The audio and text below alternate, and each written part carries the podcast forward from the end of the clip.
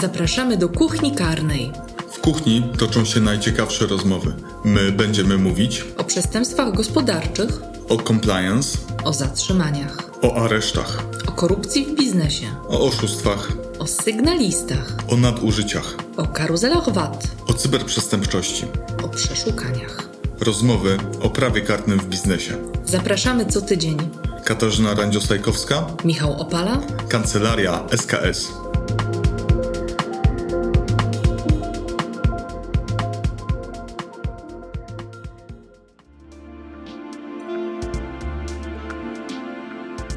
Dzień dobry Państwu. Witamy w kolejnym, nieco opóźnionym, za co przepraszamy, odcinku podcastu Kuchnia Karna. Przy mikrofonie Katarzyna Randziosajkowska. I Michał Opala, dzień dobry, witam. Witamy Państwa serdecznie w odcinku, w którym opowiemy o tym, dlaczego należy zwracać uwagę na sytuację majątkową naszego kontrahenta, a także na inne okoliczności związane z transakcjami. Chcielibyśmy opowiedzieć o takiej grupie przestępstw, która jest nazywana jako przestępstwa na szkodę wierzycieli, czy przestępstwa przeciwko interesom e, wierzycieli. Mm, O tych przestępstwach stosunkowo mało się mówi. One nie są y, sprawami, które trafiają na pierwsze strony gazet. Y, Nie są to jakieś mm, nadzwyczaj emocjonujące sprawy. Mm, Zwykle są to postępowania, które, no umówmy się, nie dotyczą spraw o największym ciężarze gatunkowym. Nawet jeśli spojrzy się na to zagrożenie karą, które zostało przewidziane w kodeksie karnym, to, to ono jest stosunkowo niewielkie. Zwykle te, te sprawy są zagrożone karą dwóch, trzech lat pozbawienia wolności. Natomiast one są o tyle z mojej perspektywy ciekawe, e, że dotyczą zachowań, osób czy mm, przedsiębiorców, którzy są dłużnikami i dokonują pewnych dyspozycji, pewnych czynności w stosunku do swojego majątku. W większości przypadków będziemy mieli do czynienia zwykle z umowami, co znowu powoduje, że te sprawy mają charakter stricte gospodarczy i e, są bardzo ściśle związane z e, obrotem, e, z prowadzeniem przedsiębiorstwa, i z szeregiem zagadnień e, natury biznesowej. A moim zdaniem one są ciekawe również dlatego, że nawet to, jeżeli my jesteśmy wierzycielem, to powinniśmy uważać na to, co się dzieje y, w naszych relacjach z, z dłużnikiem. Otóż, wyobraźmy sobie sytuację, w której przychodzi do nas nasz, nasz wieloletni kontrahent i mówi: Słuchajcie, no, przez wiele lat współpracowaliśmy za pośrednictwem spółki X, która do mnie należy, ale od teraz otwieram obok niej jeszcze spółkę Y i prosiłbym, żebyśmy wszystkie nasze umowy przepisali na spółkę Y. Czy to w ogóle czymś grozi? Czy to jest sytuacja niebezpieczna? No to jest sytuacja, która może zapalać żółtą czy, czy czerwoną lampkę mm, w, w ramach firmy. Z tego względu, że jeżeli takiej rozmowie na przykład towarzyszy mm, informacja o zajęciu komorniczym wierzytelności względem naszego kontrahenta i później ten kontrahent przychodzi i prosi nas o to, żebyśmy naszą współpracę przynieśli na nowy podmiot, to mm, możemy się sami narazić też właśnie na odpowiedzialność e, za pomocnictwo, czy za wręcz współudział w unikaniu egzekucji właśnie w działaniu na szkodę wierzycieli. Bo mamy tutaj informację o tym, że nasz kontrahent ma kłopoty finansowe, które są związane z tym, że jest prowadzona jakaś egzekucja mm, i może chcieć próbować yy, wykorzystać nas Z naszą pomocą przeprowadzić y, transakcję, która będzie prowadziła do tego, że y, pieniądze pochodzące, cena na przykład za towar, który my zapłacimy, nie będą zaspokajały tych wierzytelności, które są dochodzone w postępowaniu egzekucyjnym, tylko trafią z uszczupleniem egzekucji do y, innej kieszeni tego naszego kontrahenta. I to właśnie może być karalne. Na co więc zwrócić uwagę? jak we wszystkich tego typu sprawach, bo to też jest y, mm, otoczka compliance y, i we wszystkich tych problematycznych o zabarwieniu karnym transakcjach czy, czy sytuacjach, należy sobie zadać pytanie, dlaczego ktoś chce, żebyśmy to zrobili. Czy jest rzeczywisty powód gospodarczy, dla którego mielibyśmy zmienić nagle firmę, z którą współpracujemy, mimo że powiedzmy, że grupa podmiotów jest, y, jest ta sama. Powinniśmy sobie wyjaśnić te okoliczności. Jeżeli to gospodarcze uzasadnienie nas przekonuje, jest rzeczywiste, to prawdopodobnie wszystko jest w porządku. Natomiast jeżeli się właśnie okazuje, że wobec kogoś jest prowadzona egzekucja, wobec kogoś jest prowadzony, ktoś jest ewentualnie w bardzo złej sytuacji finansowej i próbuje bez przeprowadzenia postępowań um, upadłościowych czy, czy im podobnych, jakichś yy, yy, sanujących tę sytuację, y, po prostu przenieść swój majątek i, swoje przedsiębiorstwa w inne sfery, no to wtedy ta lampka powinna nam się zapalić pytania trzeba zawsze sobie zadać. Tak, zawsze pytanie jest, jak daleko powinniśmy e, iść z naszymi obowiązkami, z naszą dbałością o weryfikację takiego kontrahenta. Czy wystarczy samo poleganie na zapewnieniu takiego kontrahenta, że mm, nie wykorzystuje przeniesienia naszej umowy czy, czy, czy naszego, naszego zobowiązania na inny podmiot do tego, aby e, unikać spłaty swoich wierzycieli? Czy powinniśmy sięgnąć do mm, e, danych jawnoźródłowych, do analizy może giełdy wierzytelności, które Y, mogłyby wskazywać na to, że nasz kontrahent y, nie spłaca swoich wierzycieli, czy powinniśmy sprawdzić, y, czy nie zalega z należnościami publiczno-prawnymi, czy może ma wpisane istniejące niespłacone zobowiązania w KRS-ie, czy jego, składniki jego majątku może zostały już zajęte w ramach toczących się postępowań.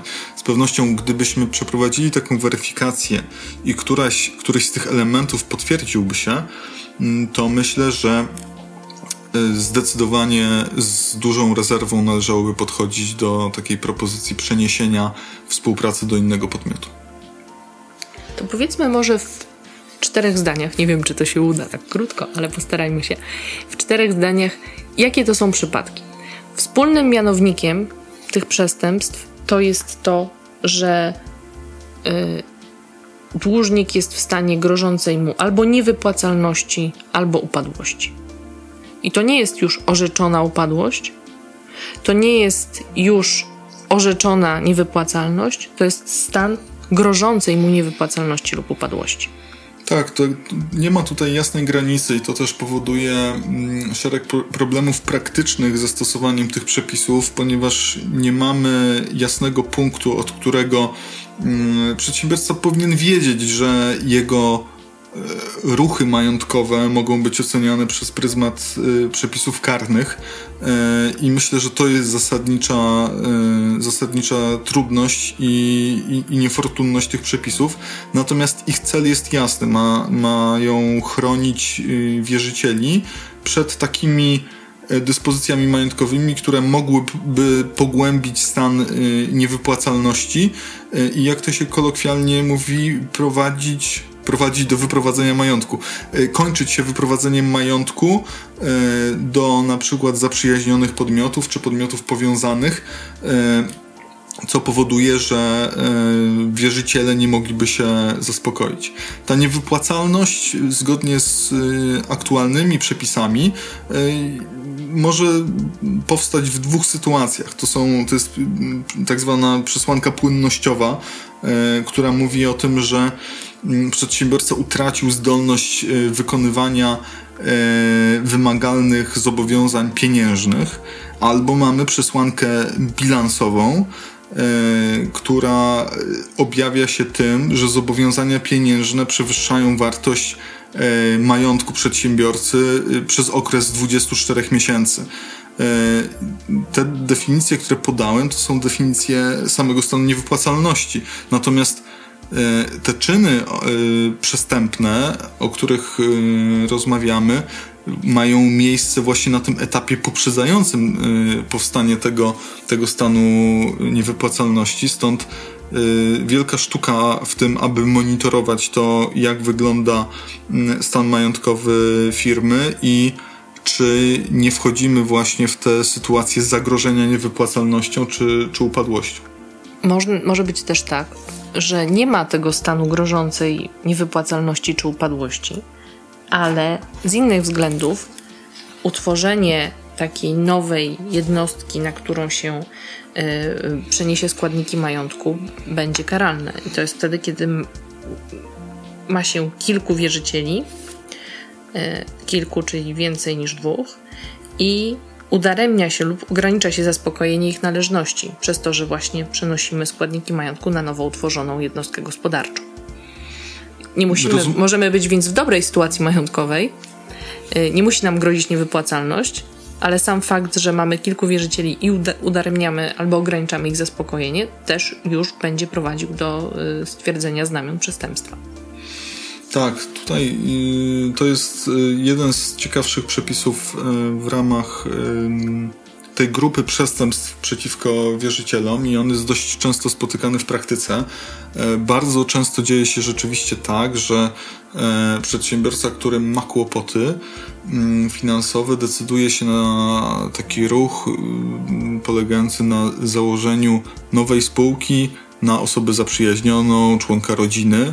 E, I tutaj mm, myślę, że w, sporej części przypadków właśnie mamy do czynienia z wykorzystaniem tego mechanizmu, że powstaje nowy podmiot, który formalnie e, należy do kogo innego, jest zarządzany przez inne osoby, natomiast tak naprawdę wypełnia tę przestrzeń biznesową po firmie, która popadła w e, terapaty finansowe. Kolejnym ciekawym przestępstwem z tej grupy jest e, działanie w celu udaremnienia orzeczenia sądowego.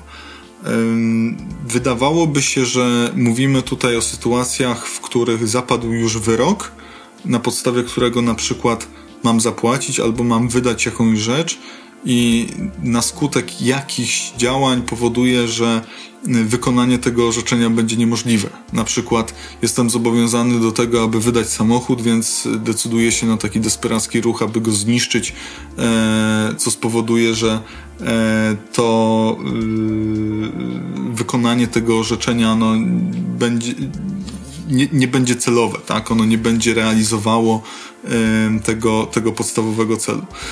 To, co mówisz, Natomiast ten, jeszcze... jeśli mogę wejść w słowo, tak. ten przykład ze zniszczeniem samochodu może się Państwu wydać y, y, wydumany i nieprawdopodobny, ale mm, ja potwierdzę, że to jest to też przykład z naszej praktyki y, procesowej sprzed kilku lat. Tak, rzeczywiście niektórzy dłużnicy się zachowują. E, na, natomiast ja chciałem zwrócić uwagę tutaj na dość ciekawy element. W przypadku tego przestępstwa możemy odpowiadać nawet w sytuacji, w której to orzeczenie jeszcze nie zostało wydane.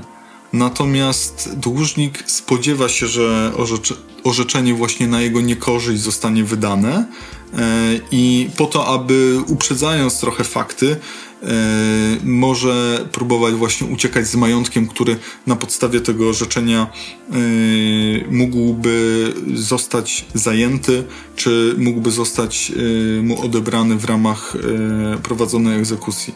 To jest ciekawe, bo nie wynika to wprost z literalnego brzmienia tego przepisu, natomiast zostało wypracowane w ramach praktyki orzeczniczej sądów i jest to niezwykle niebezpieczny przepis, ponieważ on mm, swoim zakresem może obejmować też takie sytuacje, kiedy tkwimy w sporze cywilnym, prezentujemy swoje racje, jesteśmy absolutnie przekonani y, co do tego, że e, wygramy ten spór, natomiast ostatecznie rozstrzygnięcie jest niekorzystne, a wszystkie transakcje, których dokonywaliśmy, w czasie trwania tego sporu mogą być właśnie oceniane jako działania, które e, zostały podjęte w celu y, ubezskutecznienia tego przyszłego orzeczenia. Jak się popatrzy na te przepisy, których jeżeli chodzi o liczbę artykułów jest trzy, każdy z nich ma kilka paragrafów, nie podam numerków, żeby nie przegrać w bingo, mm, to się wydaje, że tego nie ma dużo. Natomiast tutaj tych sposobów zachowań jest bardzo wiele i dzisiaj wszystkich nie umówimy, a na pewno nie umówimy dogłębnie. A ja chciałam zwrócić uwagę na y, takie przestępstwo, które jest bardzo moim zdaniem delikatne, bo czasami może się okazać, że działając w dobrej wierze, w celu uratowania naszego przedsiębiorstwa i w celu właśnie spłacenia wszystkich naszych y, wierzycieli, możemy też nieświadomie mm, wypełnić niektóre jego, jego znamiona.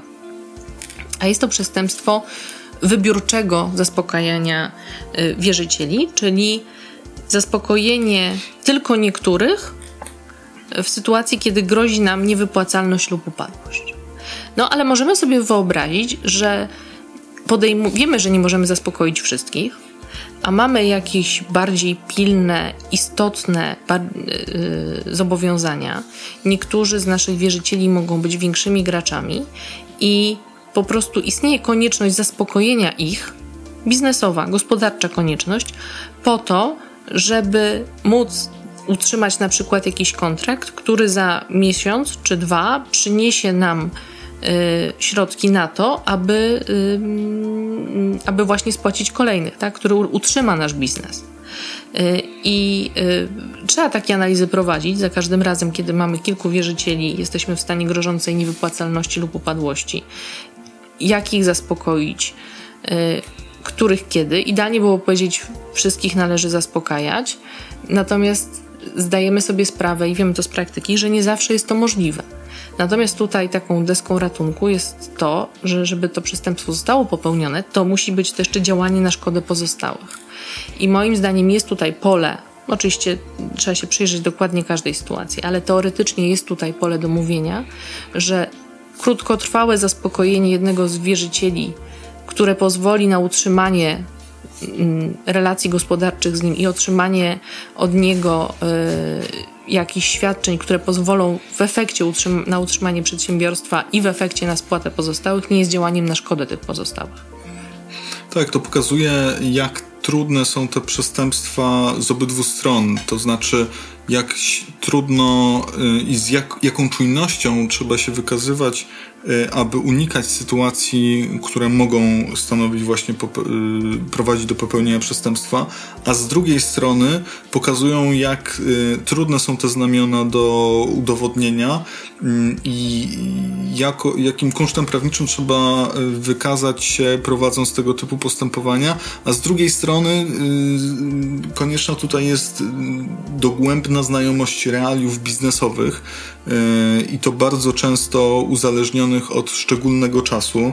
Ja myślę, że jesteśmy w takim szczególnym czasie, który mm, niestety, ale będzie prowadził do sytuacji właśnie y, związanych z upadłościami, przynajmniej w niektórych sektorach gospodarki.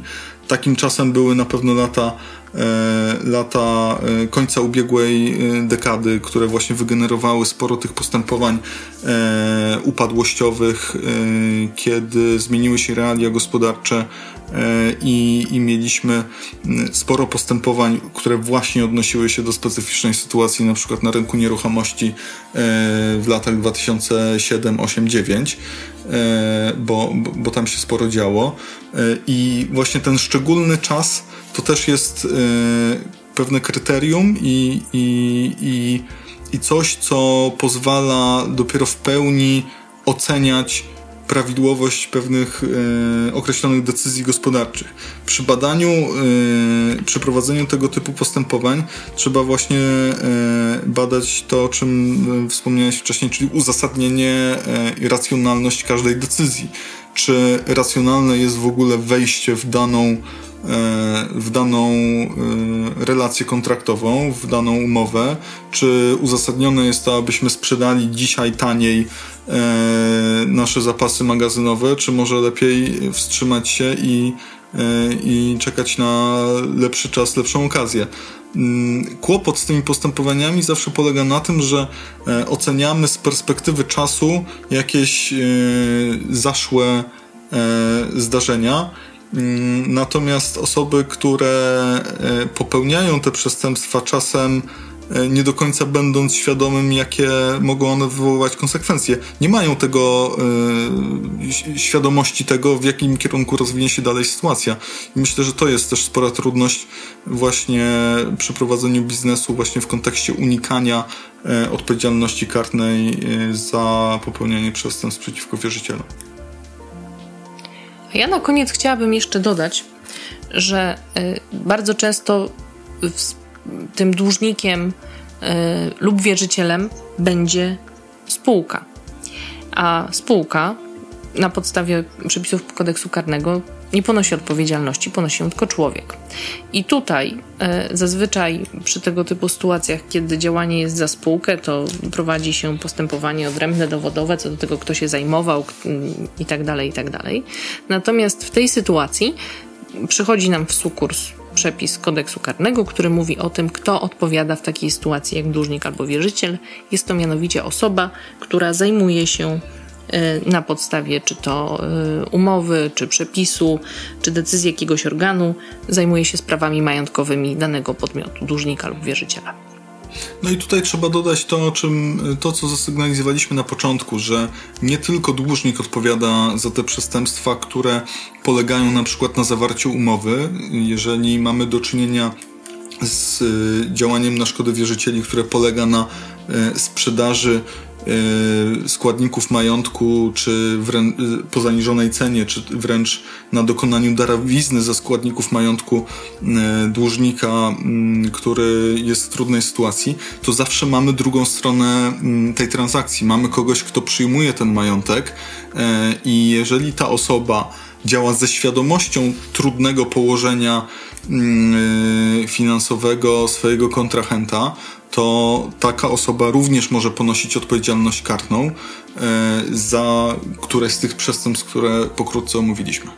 No i możemy skonkludować chyba tak, że jest takie powiedzenie, że za długi się nie idzie do więzienia. E, za długi może nie, ale jest przestępstwem nieprawidłowe ich e, rozliczanie, nieprawidłowe nimi gospodarowanie. Bardzo dziękujemy Państwu za wysłuchanie dzisiejszego odcinka. Prosimy o subskrybowanie naszej audycji, o pozostawianie komentarzy, lajków i tym podobnych. Bardzo dziękujemy. Do usłyszenia. Dziękujemy bardzo. Do widzenia.